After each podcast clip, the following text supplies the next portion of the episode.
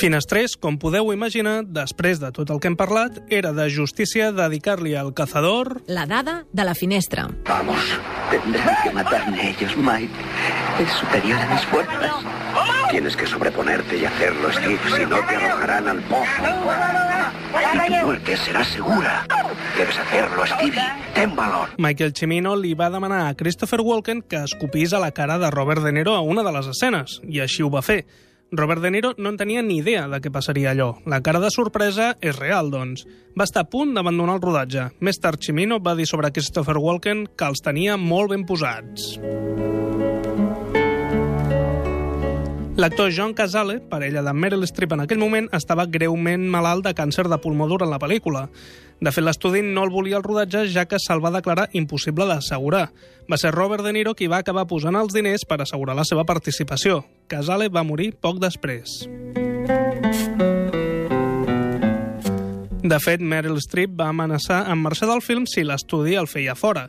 Van rodar totes les seves escenes al principi per si de cas no arribava al final. No va arribar a veure la pel·lícula sencera. Les bufetades durant la famosa escena de la ruleta russa eren 100% reals, el qual agitava molt els actors i transmetia l'atenció que l'escena necessitava.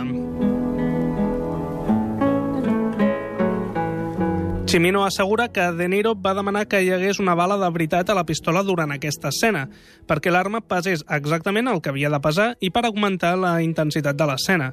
Casale va acceptar sense queixar-se ni un segon, però va fer revisar l'arma abans de cada presa. Hi ha fins a 28 morts certificades per jugar a la ruleta russa influïts per aquesta pel·lícula. Totes les escenes van ser rodades en localització real. No hi havia sons fets en postproducció. L'escena en què John Savage, que feia de Steven, es queda atrapat al riu i comença a cridar desesperat a Michael, que era Robert De Niro, perquè la zona està plena de rates, en realitat el Michael que cridava era el propi Chimino, ja que li tenia un pànic horrible a les rates. L'escena va quedar tan realista que també la van mantenir. Robert De Niro va declarar recentment que l'escena en què visita Steve a l'hospital és la més emotiva que ha rodat mai. De fet, el 2003 la va haver d'explicar en una cerimònia en el seu honor i es va posar a plorar mentre ho feia. Christopher Walken va aconseguir el seu desafavorit aspecte menjant només arròs, plàtans i aigua. És la pel·lícula predilecta de Jodie Foster i, segons Robert De Niro, el rodatge més dur que ha hagut d'afrontar mai.